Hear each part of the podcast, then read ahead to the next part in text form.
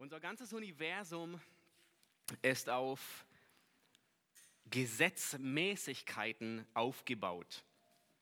Nun zum Beispiel die Schwerkraft oder die Schallgeschwindigkeit. Alles beruht auf mehr oder weniger physikalischen Gesetzmäßigkeiten.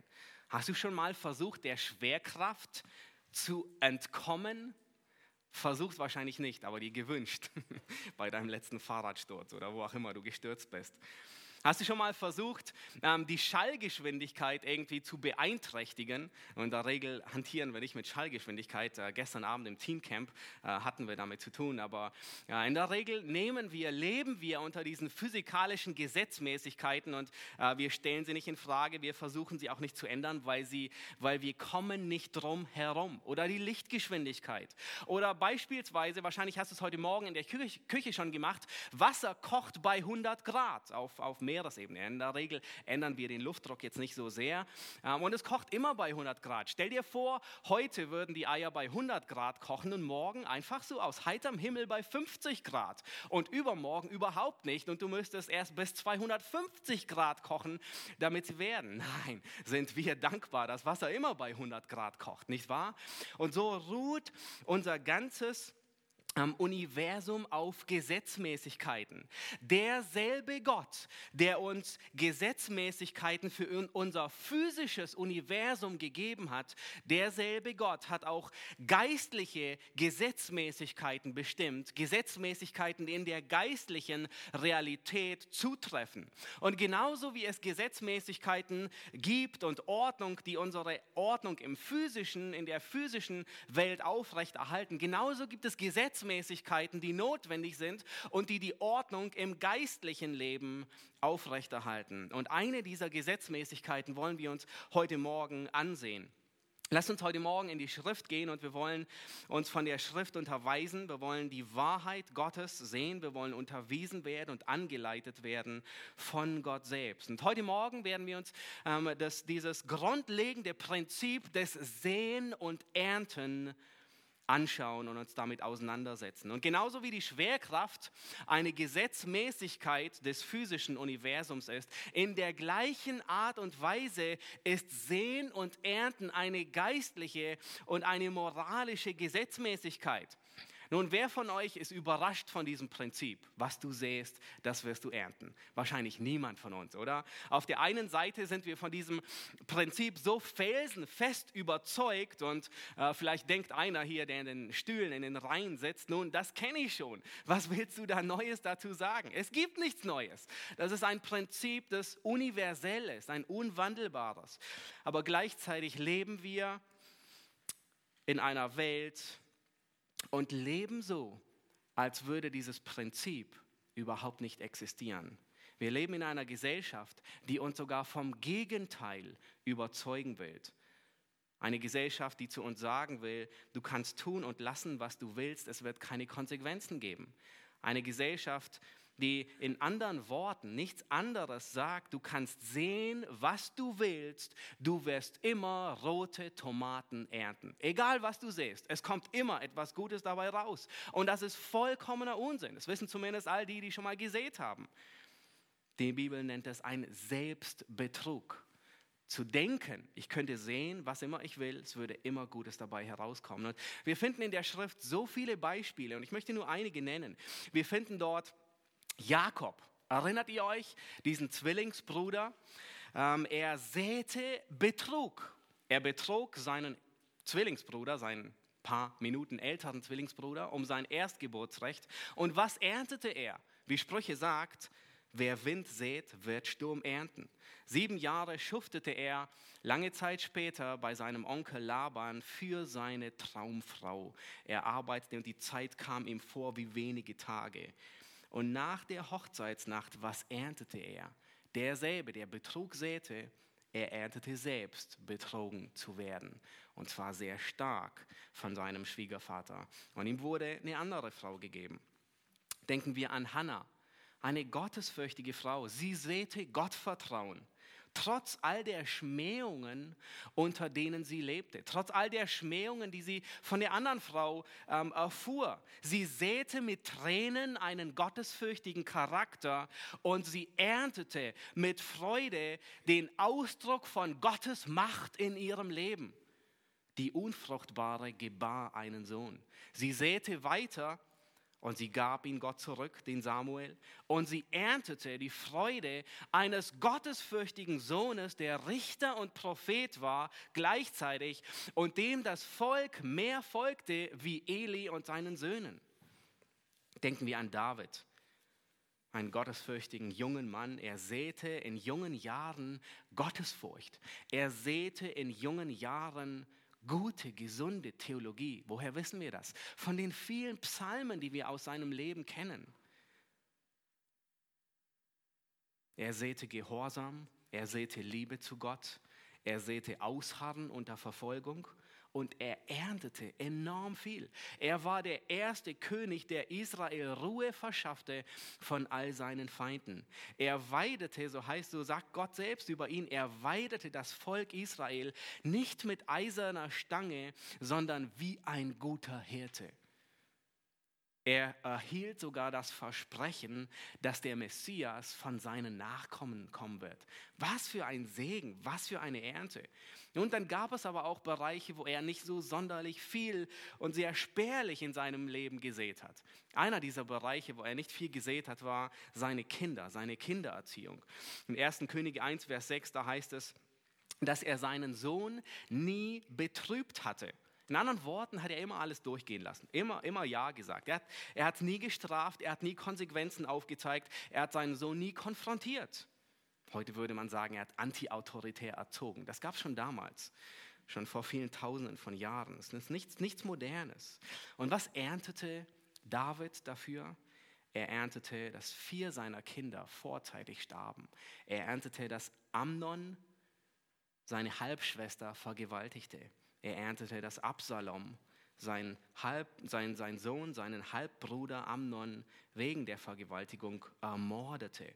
Später wollte sein Sohn König werden und zog gegen den eigenen Vater in den Krieg. Wenig später kam Adonia und wollte sich selbst mit Gewalt zum König machen und zieht sogar den Feldhauptmann Joab mit ins Boot. All das erntete er. Denken wir an Simson. Er erntete Unmoral. Und das nicht nur einmal, sondern immer und immer wieder. Er säte Unmoral. Und was erntete er? Er erntete zwei ausgestochene Augen. Er erntete, dass seine Kraft gewichen war. Er erntete, dass er unbrauchbar wurde für den Dienst Gottes. Er erntete, dass er im Gefängnis die Mühle seiner Feinde drehte, eine Arbeit, die sonst nur Esel verbringen, verrichten. Wir sehen, jeder von uns, wir sehen 24 Stunden pro Tag. Wir sehen sieben Tage die Woche. Wir sehen Monat für Jahr Monat für Monat, Jahr für Jahr, Jahrzehnt für Jahrzehnt. Und wir ernten auch. Manchmal ernten wir sofort, manchmal ernten wir in, in, in, in wenigen Wochen. Wenn du deine Rechnung nicht bezahlst, dann erntest du wahrscheinlich innerhalb von zwei Wochen die Mahnung, die dann ins Haus flattert. Manchmal ernten wir das, was wir sehen, nach Monaten und in manchen Bereichen ernten wir noch nicht einmal zu Lebzeiten, was wir gesät haben. Und weil die Konsequenzen dessen, was wir sehen und, und und was wir ernten, manchmal so weit entfernt sind, manchmal noch nicht einmal in diesem Leben. Deswegen denken wir oder neigen wir dazu zu denken, dass, die, dass es keine Konsequenzen hat, dass wir tun und machen könnten, aber es würde nichts mit sich bringen. Es wäre gleichgültig und das ist ein großer Selbstbetrug. Und dieser Selbstbetrug, er herrschte in der Gemeinde in Galatien. Dieser Selbstbetrug, nämlich egal was du sähst, du wirst immer rote Tomaten ernten, wirkte sich so drastisch in der Gemeinde in Galatien auf, dass Paulus sich ernsthafte Sorgen macht um diese Gemeinde. Ich möchte euch bitten, die, ähm, den Abschnitt aufzuschlagen, den wir ja, heute lesen möchten, und zwar Galater 6, die Verse 6 bis 10. Wundert euch nicht, wenn vielleicht in eurer Bibel ein Abschnitt dazwischen ist, zwischen Vers 6 und 7. Ich werde danach noch darauf zu sprechen kommen. Und wir lesen in Galater 6 die Verse 6 bis 10. Da schreibt Paulus, wer im Wort unterrichtet wird, der gebe dem, der ihn unterrichtet, Anteil an allen Gütern. Ehrt euch nicht, Gott lässt sich nicht spotten. Denn was der Mensch sät, das wird er auch ernten. Denn wer auf sein Fleisch sät, der wird vom Fleisch Verderben ernten. Wer aber auf den Geist sät, der wird vom Geist ewiges Leben ernten. Lasst uns aber im Gutes tun nicht müde werden, denn zu seiner Zeit werden auch wir ernten, wenn wir nicht ermatten. So lasst uns nun, wo wir Gelegenheit haben, an allen Gutes tun, besonders aber an den Hausgenossen des Glaubens. Was der Mensch sät, das wird er ernten. Das ist das biblische Prinzip, das wir uns heute ansehen wollen. Und die Gliederung, äh, ich glaube, sie ist in eurem Wochenblatt abgedruckt ist, werden uns erst ansehen, eine ernste Warnung. In Vers 7, im ersten Teil von Vers 7, werden wir uns eine ernste Warnung ansehen. Und dann werden wir uns im zweiten Teil von Vers 7 ein unwandelbares Prinzip ansehen. Ein unwandelbares Prinzip. Und dann werden wir in Teil 3 übergehen und uns vielfältige Anwendungen ansehen. Und die finden wir zum Teil verstreut in Vers 6, in Vers 8, in Vers 9 bis 10 und darüber hinaus. Nun, wir wollen damit beginnen und uns eine ernsthafte Warnung ansehen. Paulus, er beginnt hier diesen Abschnitt und sagt, ehrt euch nicht, Gott lässt sich nicht spotten, ehrt euch nicht. Paulus, er gebraucht hier an dieser Stelle sehr scharfe und sehr eindringliche Worte, und zwar so scharfe Worte, die er selten, nur im Notfall gebraucht. Sehr selten greift Paulus so weit, dass er sagt, ehrt euch nicht. Offensichtlich befand sich diese Gemeinde in Galatien in einem großen Irrtum. Sie dachten, sie könnten Früchte ernten, wo sie nicht gesät haben. Sie dachten, sie könnten Unkraut sehen und gute frische Tomaten oder Äpfel ernten. Sie dachten, ihr Wandel und ihre täglichen Entscheidungen, sie hätten keinerlei Konsequenzen, weder für ihr persönliches Leben noch für das ganze Gemeindeleben. Es würde sie nicht betreffen. Aber ich möchte eure Aufmerksamkeit nicht auf das lenken, sondern ich möchte eure Aufmerksamkeit lenken auf das, was danach kommt. Nach diesem Ausdruck, ehrt euch nicht, kommt, kommen sehr wichtige Worte.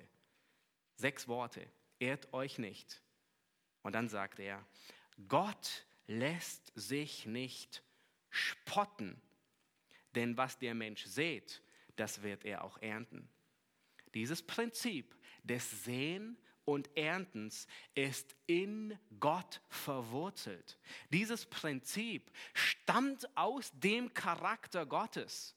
In anderen Worten bedeutet es, wenn du denkst, du könntest in deinem Leben sehen, was auch immer du willst, und es hätte keine Auswirkungen auf dein Leben, dann spottest du über Gott. Dann machst du dich lustig über Gott, wenn du denkst, du könntest tun und lassen, was du willst, und es hätte keine Auswirkungen. Weißt du, wie die Schrift das nennt? Gotteslästerung. Und ich, ich bin mir bewusst, wahrscheinlich denken nicht viele daran, aber das ist so wichtig. Paulus, er gibt uns dieses Prinzip und er gibt ihm einen solchen Stellenwert und er sagt, wer dieses Prinzip missachtet in seinem Leben, der lästert Gott. Er sagt hier, ehrt euch nicht, Gott lässt sich nicht spotten. Das heißt, wenn du denkst, du könntest was auch immer tun und es hätte keine Auswirkungen, dann machst du dich tatsächlich über Gott lustig. Dann spottest du über Gott dann lästerst du Gott. Das ist eine ernste Angelegenheit. Und ich hoffe, dass es dir genauso wie mir heiß und kalt den Rücken hinunterläuft. Ich möchte nicht Gott lästern. Und so häufig tun wir das in dem, wie wir uns verhalten. Wie oft haben wir in der vergangenen Woche, im vergangenen Jahr gedacht, dass unsere Handlungen keine Konsequenzen hätten. Vielleicht dachtest du auch, es wäre kleinkariert, dass Gott Achan diesen einen Mann aus, aus dem Buch Josua, dass, dass Gott ein bisschen kleinkariert ist, als Achan wegen einem babylonischen Mantel, wegen ein bisschen Silber und einem Goldbarren so hart bestraft wird. Nun aber aufgrund dieses Prinzips und dessen, was Paulus sagt, ehrt euch nicht, Gott lässt dich nicht spotten, Frage an dich, wie würdest du die Sünde Achans einordnen? Welches Label, welches Preisschild würdest du auf seine Sünde draufkleben? War es nur ein bisschen ein bisschen Diebstahl, der sowieso begraben wird unter den Trümmern von Jericho? Welches Etikett würdest du draufsetzen über die Sünde? Gotteslästerung. Er dachte, ein wenig Diebstahl hätte keinerlei Auswirkungen, weder auf sein Leben noch auf das ganze Volk Israel. Ich weiß nicht, wie es dir geht, aber ich möchte Gott nicht lästern. Und ich denke, du auch nicht. Und deswegen ist es gut, dieses Prinzip zu befolgen, uns dessen bewusst zu werden. Lass uns weitergehen zu dem zweiten Teil des Verses und uns dieses unwandelbare Prinzip ansehen.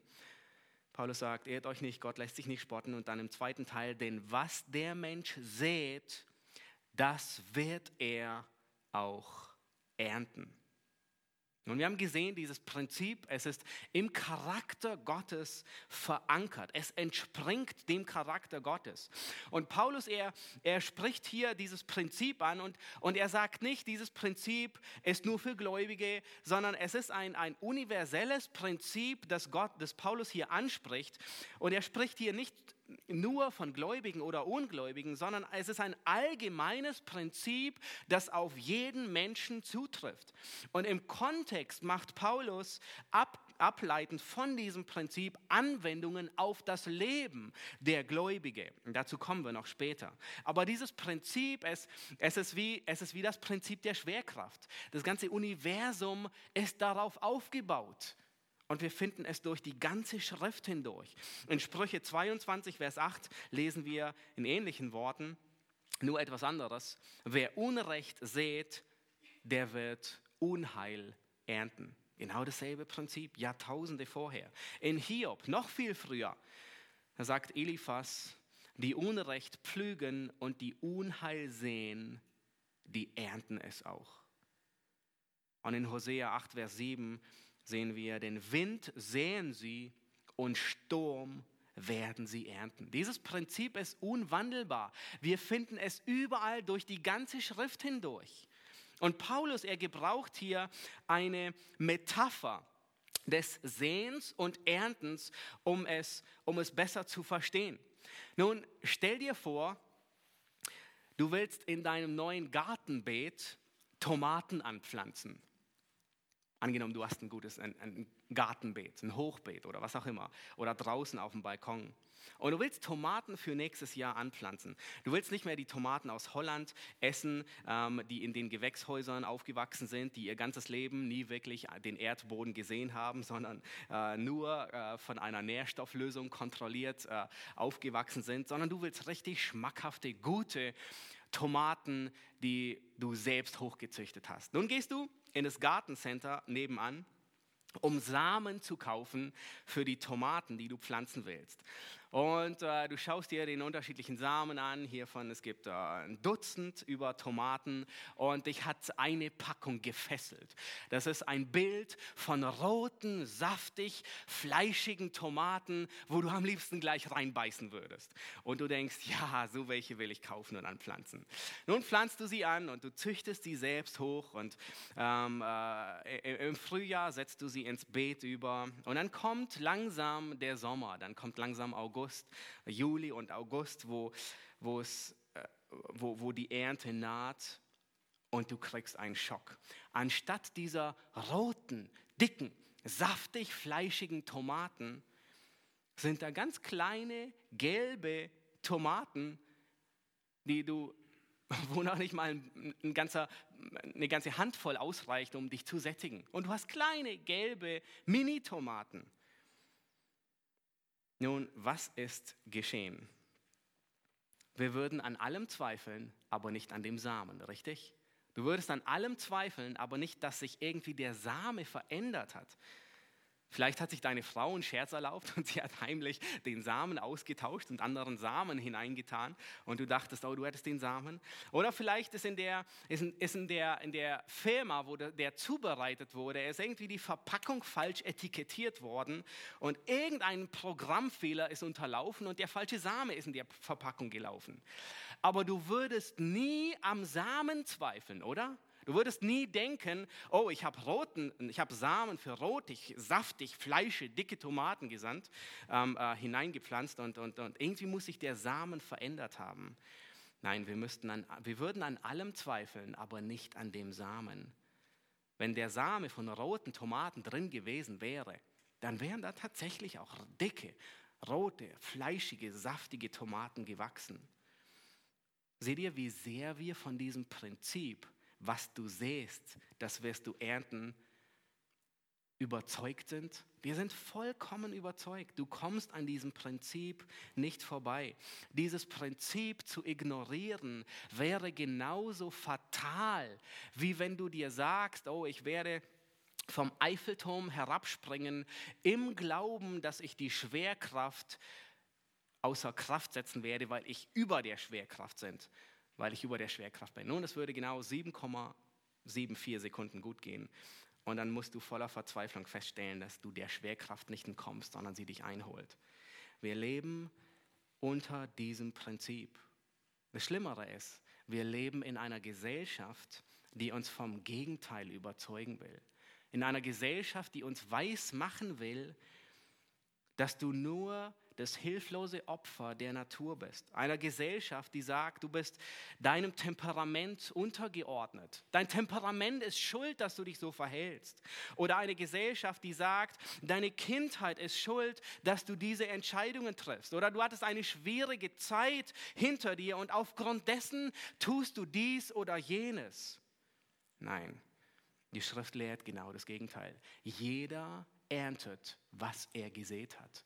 Jeder tut, was er gesät hat. Du übernimmst diese Gesetzmäßigkeit, die Gott gegeben hat. In 1. Korinther, in 1. Korinther, äh, 2. Korinther 9, Vers 6, da fügt Paulus einen weiteren Aspekt hinzu und er sagt, wer kärglich sät, der wird auch kärglich ernten. Das heißt, wer wenig sät, wird wenig ernten. Und das verstehen wir sehr gut. Ähm, selbst äh, Berliner Stadtkinder, ich weiß nicht, wer von euch in Berlin aufgewachsen ist, aber äh, wir alle, die wir äh, keinen Garten haben, wir verstehen es auch gut. Ähm, wenn, wenn jemand wenig Samen eintut im Herbst, dann wird im Frühling auch nicht sehr viel herauskommen. Es muss großzügiger Samen, guter Samen zur rechten Zeit gesät werden. Und wenn jemand im Herbst nur zehn Samenkörner auf einem ganzen Hektar verstreut, dann wissen selbst wir, dass die Ernte mager sein wird.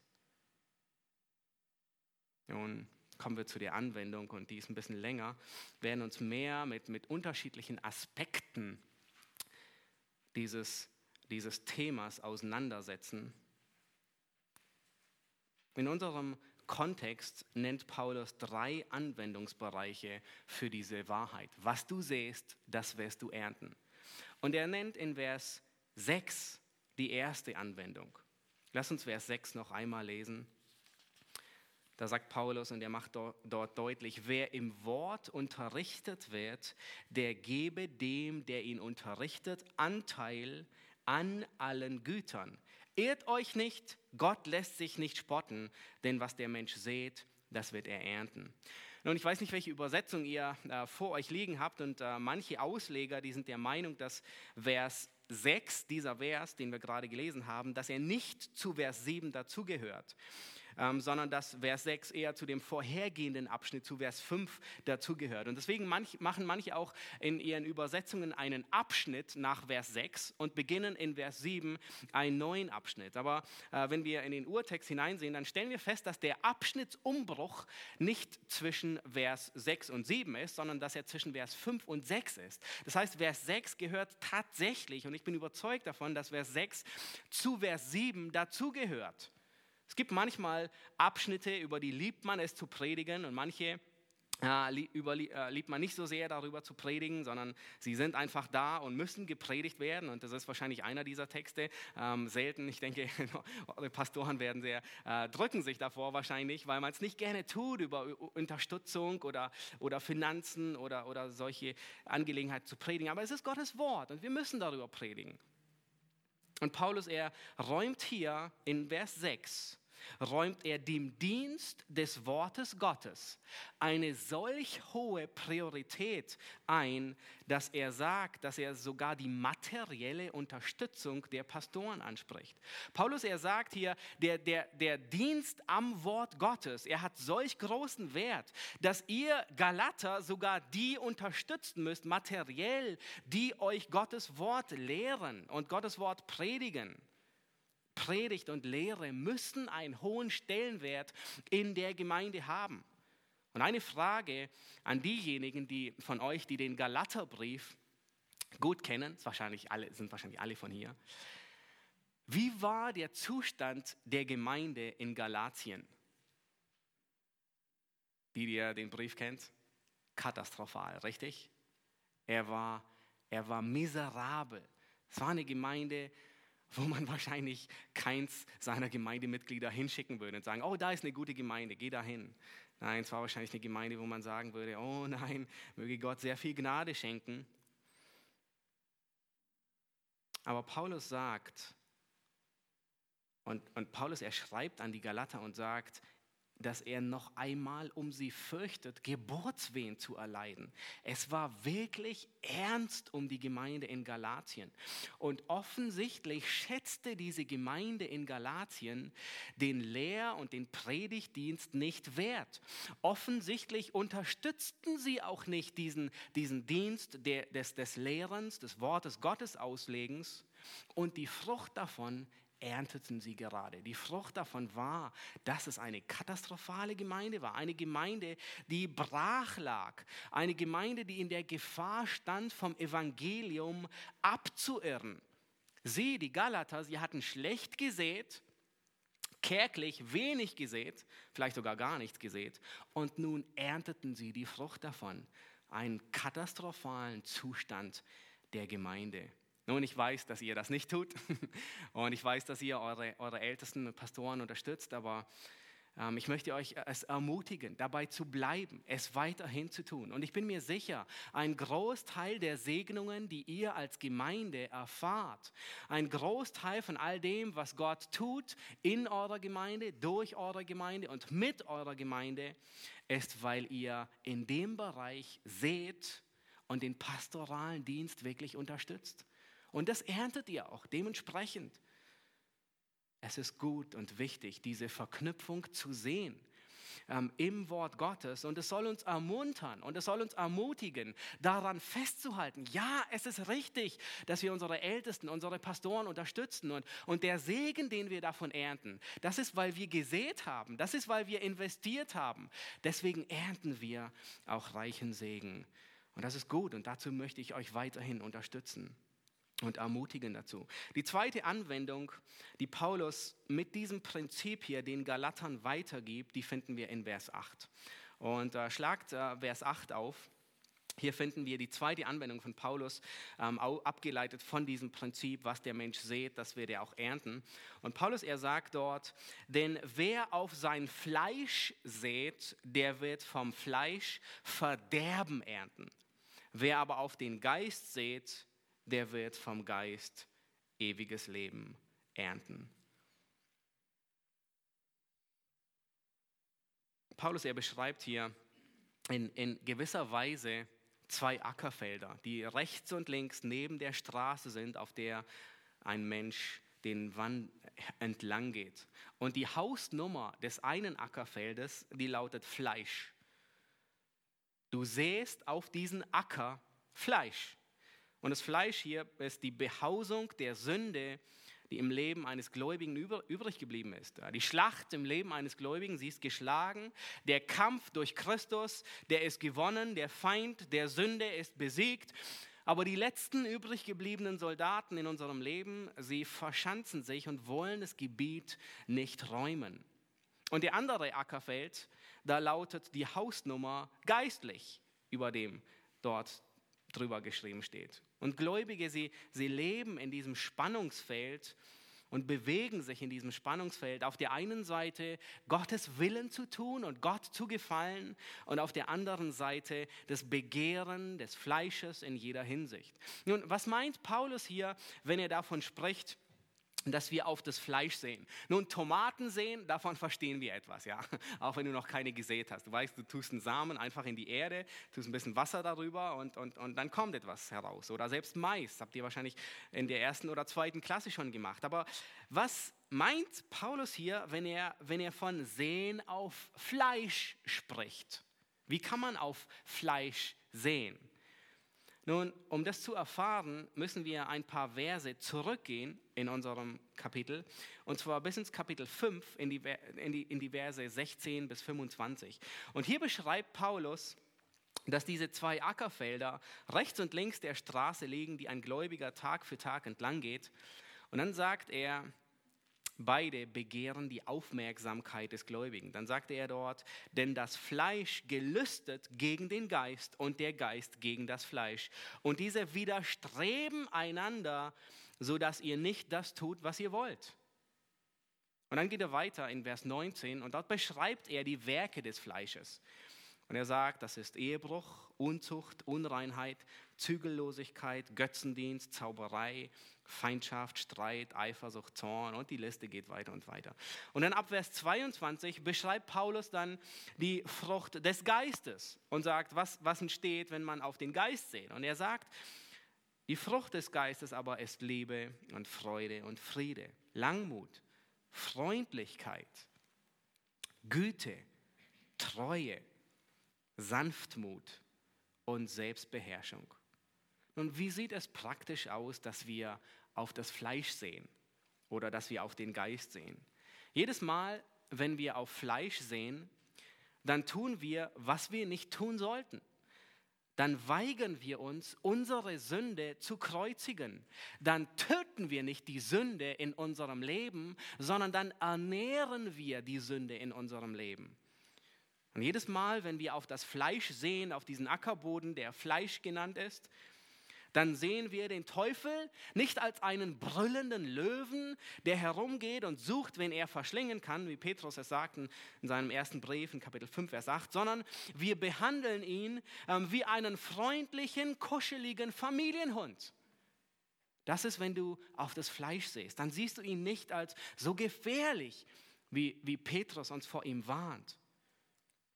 Was wir sehen, sind unsere Gedanken, sind unsere Handlungen. Wer wir sind, was wir tun, was wir sagen, wohin wir gehen, was wir denken. Nun, wie sieht es aus, dass wir auf Fleisch sehen? Ich sehe auf Fleisch, wenn ich in meinen Gedanken Groll hege gegenüber jemand anderem in der Gemeinde. Ich sehe auf das Fleisch, wenn ich in meinen Fantasien mit Unreinheit herumspiele. Ich sehe auf das Fleisch, wenn ich in, in Selbstmitleid schwelge und darin bade. Ich sehe auf das Fleisch, wenn ich gerne faul bin und im Bett liegen bleibe, obwohl ich entweder schon bei der Arbeit sein müsste oder äh, im Gebet und beim Bibelstudium. Ich sehe auf das Fleisch, wenn ich nicht lese, was ich lesen sollte, sondern mich entscheide, Dinge zu lesen, die ich besser nicht lesen sollte. Ich sehe auf das Fleisch, wenn ich in schlechter Gesellschaft verweile, wohl wissend, dass ich diesem, diesem heimtückischen Einfluss nicht widerstehen kann und sie mich mitreißen werden, Dinge zu tun, die sie tun wollen. Ich sehe auf das Fleisch, wenn ich Zeit vergeude und sie nicht auskaufe. Wie Paulus es in Epheser 5 sagt. Der Feind unserer Seelen, er, er liebt es, uns mit belanglosen Dingen zu beschäftigen. Ich sehe auf das Fleisch, wenn ich mich bewusst in Situationen hineinbegebe, wo ich das Risiko eingehe, dass ich meine Selbstbeherrschung verliere. Und ich weiß es im Vorfeld und ich denke, ach, ich werde sie schon bewahren. Ich sehe auf das Fleisch, wenn ich Philippa 4, Vers 8 nicht umsetze, wo Paulus uns Gläubige auffordert, über das nachzusinnen, was wahr, was ehrbar, was gerecht, was rein, was lebenswert, was wohllautend, was irgendeine Tugend oder etwas, irgendetwas Lobenswertes ist. Wenn ich nicht darüber nachsinne und ich das verfolge, dann sehe ich auf das Fleisch. Jeder Tag, während wir in unserem Glaubensleben hier wandeln, treffen wir die eine oder die andere Entscheidung. Jeden Tag sähst du auf den einen oder den anderen Acker. Wir sehen 60 Sekunden pro Minute 60 Minuten pro Stunde, Tag für Tag, Woche für Jahr, Woche für Woche, Jahr für Jahr. Wir sehen die ganze Zeit, wir können uns gar nicht, du kannst gar nicht nichts sehen. Du siehst irgendetwas, siehst du. Auf den Geist zu sehen ist dasselbe, wie Paulus es vorher in Kapitel, in Kapitel 5, Vers 16 sagt, im Geist zu wandeln. Auf den Geist zu sehen ist im Geist zu wandeln. Oder wie Epheser es an, ausdrückt mit anderen Worten, vom Geist geleitet zu sein oder vom Geist erfüllt zu sein. Wie viel investierst du? Wie viel sähst du, um im Glauben zu wachsen? Nun, wenn du kärglich, wenn du wenig säst, wenn du nur zehn Körner für den ganzen Hektar säst, dann wirst du auch kärglich ernten. Wenn du keine Zeit im Wort Gottes und im Gebet verbringst, dann wundere dich nicht, dass dein geistliches Leben brach liegt. Und wundere dich nicht, dass es von Sünde überwuchert wird. Du säst Tag für Tag und du erntest Tag für Tag. Nun, die, den dritten Aspekt, den Paulus hier anspricht, in diesem Kontext, den sehen wir in den Versen 9 bis 10. Und ich möchte euch bitten, äh, werden diese Verse lesen. Ähm, Paulus, er spricht hier, den, den, den, er wendet dieses Prinzip auf einen weiteren Aspekt an in der Gemeinde, nämlich das gemeinschaftliche Leben in der Gemeinde spricht er hier an. Und Paulus sagt hier, lasst uns aber im Gutes tun nicht müde werden, denn zu seiner Zeit werden auch wir ernten, wenn wir nicht ermatten. So lasst uns nun, wo wir Gelegenheit haben, an allen Gutes tun, besonders aber an den Hausgenossen des Glaubens. Nun, eins unserer Probleme und eine Herausforderung, in der wir häufig leben, ist, dass wir müde werden. Ich weiß nicht, wie es euch geht, aber ich stelle es immer wieder fest, wir werden müde im Gutes tun. Geht es euch auch so? Das ist, das ist Teil dessen, dass wir noch in diesem Leib sind, dass wir noch immer eine Neigung zur Sündhaftigkeit haben. Dass man Feuer und Flamme und, äh, und, und, und, und brennt für das Evangelium ähm, und eifert und tut und investiert und irgendwie wird es immer weniger und, und, und, und, nimmt ab. Und das ist, was Paulus hier anspricht. Er, er spricht das gemeinschaftliche Leben in der Gemeinde an, innerhalb einer Gemeinde weil eben die Gefahr besteht, dass wir müde werden. Wir werden einfach müde. Und die Antwort, die Paulus gibt, ist dann nicht, erhole dich und schlaf einfach, was wir sonst in unserem praktischen Leben so tun, sondern Paulus sagt, nein, nein, fache es wieder an, dieses Feuer. Und, und er nennt hier, er, ähm, er, er, spricht über Gutes tun. Er sagt, lasst uns im Gutes tun nicht müde werden. Und er spricht hier über die Dauer. Wie lange? Eine Woche, ein Monat? Und habt ihr gelesen, was Paulus sagt? Wie lange ist die Dauer, die er nennt, wie, wie man Gutes tun soll? Äh, zumindest spätestens, wenn man in Rente geht. Nein, er, er, nennt überhaupt keine Dauer. Er sagt nicht, er, er, sagt nur, lass dich nicht müde werden. Er nennt ein Anfangsdatum in anderen Worten, aber kein Enddatum. Er sagt, tue Gutes. Das ist, wozu Gott dich berufen hat. Die Dauer hört nicht auf und im Himmel wird es weitergehen. Auch nicht, wenn du in Rente bist. Auch nicht, wenn deine Schule, deine Ausbildung zu Ende ist.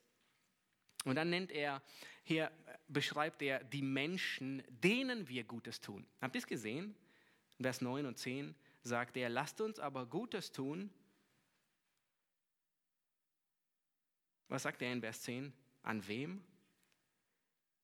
Er sagt an allen. An allen. Das heißt, allen Menschen, die du begegnest, lasst uns Gutes tun an ihnen. Aber er nennt eine Priorität. Und aus dieser, aus dieser ganzen Menschenmenge greift er einige besonders heraus. Und er sagt, lasst uns in allen Gutes tun, besonders aber an den Hausgenossen des Glaubens.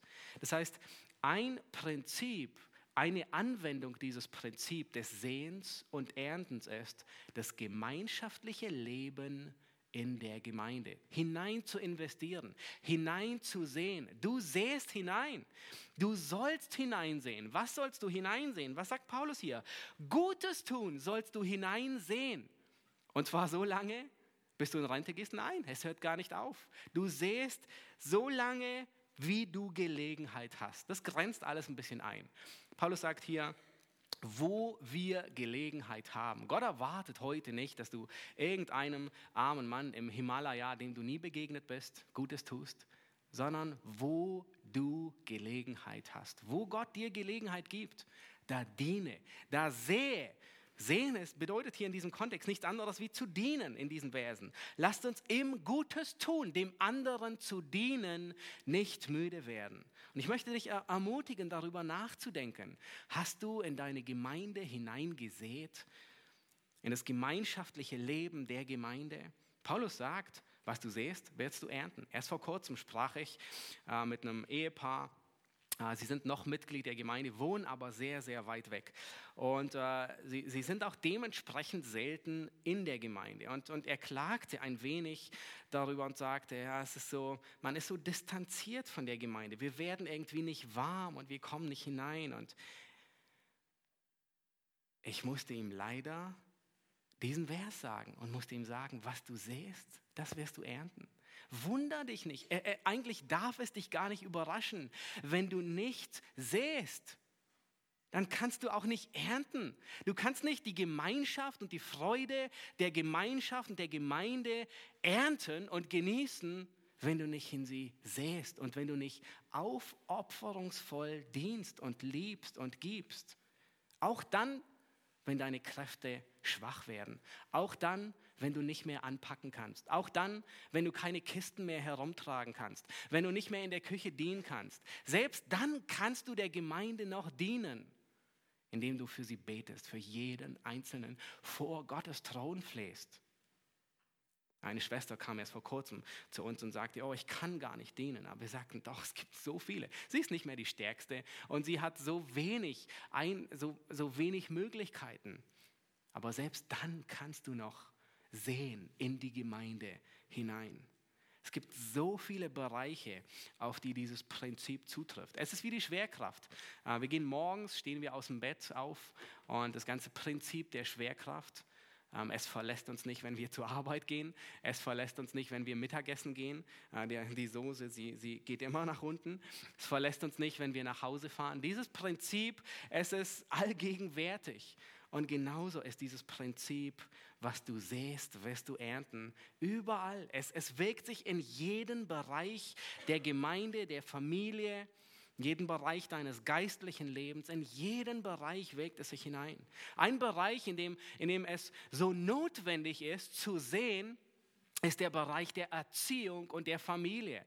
Der Bereich, in dem die Eltern und häufig sehr stark auch die Mutter in die Kinder sehen und investieren. Und dieser Bereich, der wird so, über, so unterschätzt und so übersehen und man, und man investiert so selten in ihn hinein.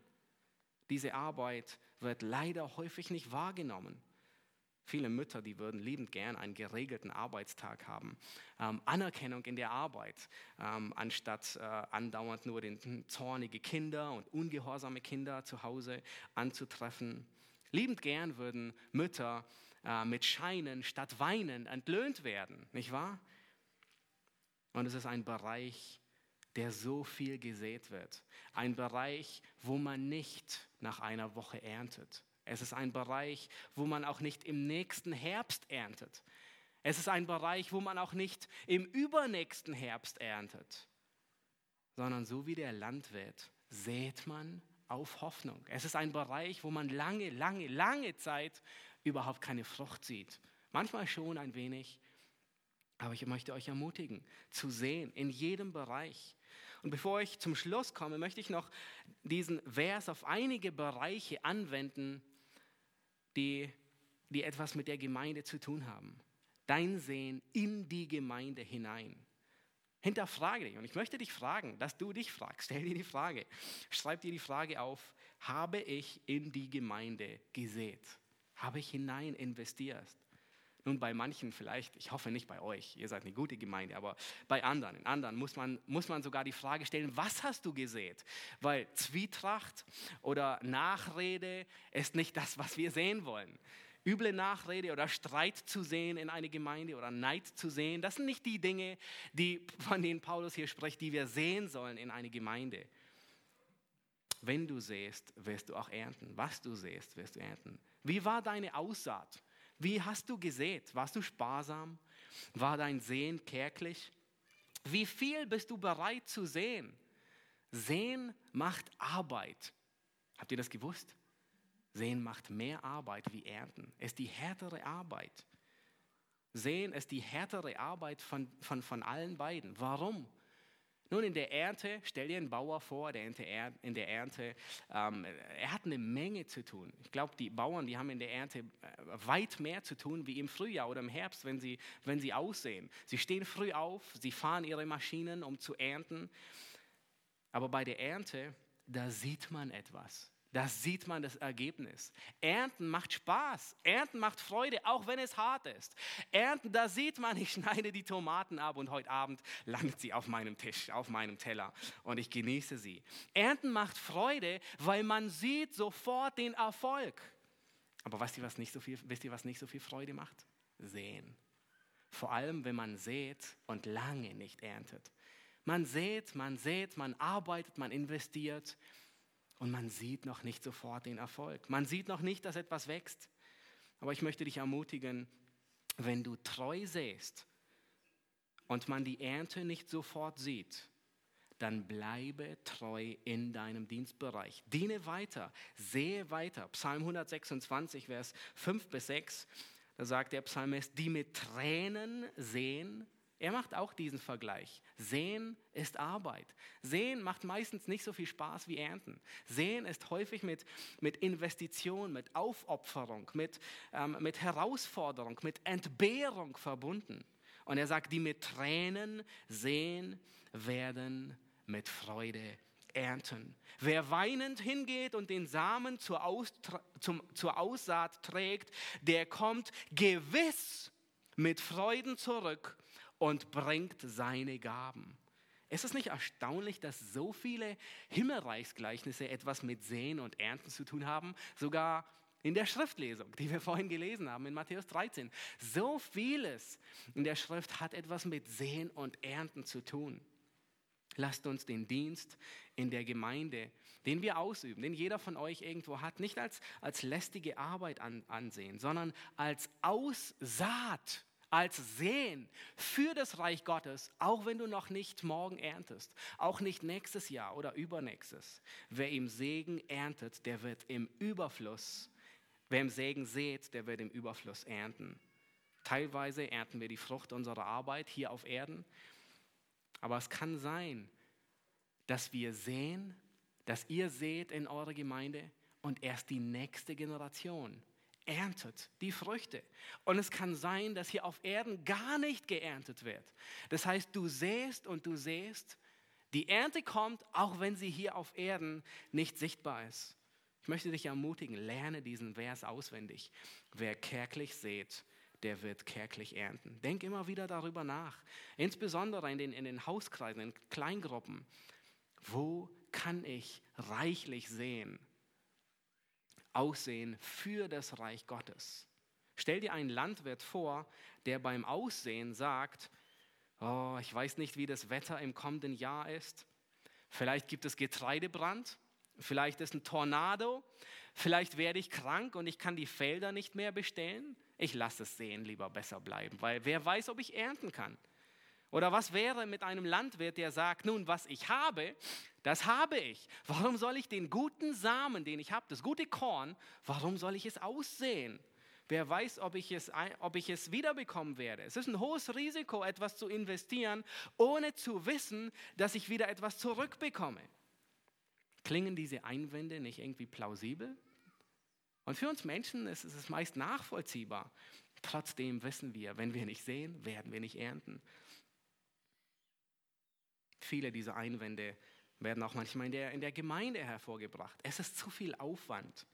Der Nutzen, der ist nicht sofort sichtbar. Welchen Nutzen hat es? Ein Bereich, an den ich heute Morgen dachte, war das Eventcamp. Ihr als Gemeinde seht viel hinein. Äh, ich weiß nicht, wie viele Mitarbeiter, aber viele von euch sind dort. Und es ist so harte Arbeit, ich kann es euch sagen. Also so viel schlaflose Nächte. Ich bin jetzt schon völlig erschöpft. Es ist so viel Sehen und man ist müde. Es ist Entbehrung und, und, und viele Gespräche. Aber wer nicht seht, der wird auch nicht ernten. Und ich möchte euch ermutigen, zu sehen, auch wenn die Ernte noch nicht absehbar ist. Sehen ist, macht Arbeit. Sehen ist hart. Sehen ist Aufwand. Der Nutzen ist nicht sofort sichtbar, aber es wird auf Hoffnung gesät. Sei es in der Gemeinde, auf Jüngerschaft. Sehen ist mit Arbeit und Schmerzen verbunden. Sehen ist die Arbeit, die unscheinbar ist, aber die gemacht werden muss. Sehen ist das, was nicht so spektakulär ist, aber das notwendig ist, damit die Ernte da ist. Es kostet Arbeit, es kostet dich etwas ab. Die Ernte sieht man sofort, aber beim Sehen zunächst gar nichts. Aber wie bei Hannah, wie wir bei ihr gesehen haben, ist Sehen mit schmerzhafter Arbeit, mit Tränen verbunden. Und wir leben in dieser, in dieser sündigen Welt, wo wir Enttäuschung erleiden, wo wir Entbehrung erleiden, manchmal nicht das Ergebnis sehen und trotzdem möchte Gottes Wort uns auffordern, zu sehen, reichlich zu sehen, nicht kärglich zu sehen, damit wir auch kärglich ernten. Wir wollen für das Reich Gottes aussehen. Nun, was ist, vielleicht sitzt du in den Reihen und du denkst, ja, du hast viel geredet über Sehen und Ernten, aber was ist, wenn ich mein halbes Leben schlecht gesät habe? Was ist, wenn ich miserabel gesät habe? Was ist, wenn ich nur Sünde, wenn mein Leben vollkommen mit Sünde überhäuft ist und ich nur Sünde gesät habe in meinem Leben? Dann möchte ich dich in den ersten Johannesbrief hineinnehmen, in das erste Kapitel, wo Johannes sagt, und es ist ein, ein, ein Zuspruch, der ebenso, das ist eine Gesetzmäßigkeit, die genauso zutrifft wie das Gesetz der Schwerkraft oder das Gesetz des Sehen und Erntens. Und Johannes, er macht dort deutlich und sagt, wenn wir unsere Sünden bekennen, dann ist er treu und gerecht, dass er uns vergibt und uns reinigt von jeder Ungerechtigkeit. Das heißt, wenn du merkst, in meinem Leben habe ich so viel, so viel Schund, so viel Sünde gesät, wenn dein ganzes Leben voller Sünde ist, dann gibt es Hoffnung. Du findest Vergebung vor dem Kreuz. Du findest Vergebung bei Jesus Christus. Wenn du deine Sünde bekennst und ihn um Vergebung bittest, dann sagt Johannes, er ist, er ist gerecht und treu. Er steht zu seinem Wort und er vergibt gerne, wenn du dich unter sein Wort demütigst. Lasst uns reichlich sehen, um reichlich zu ernten.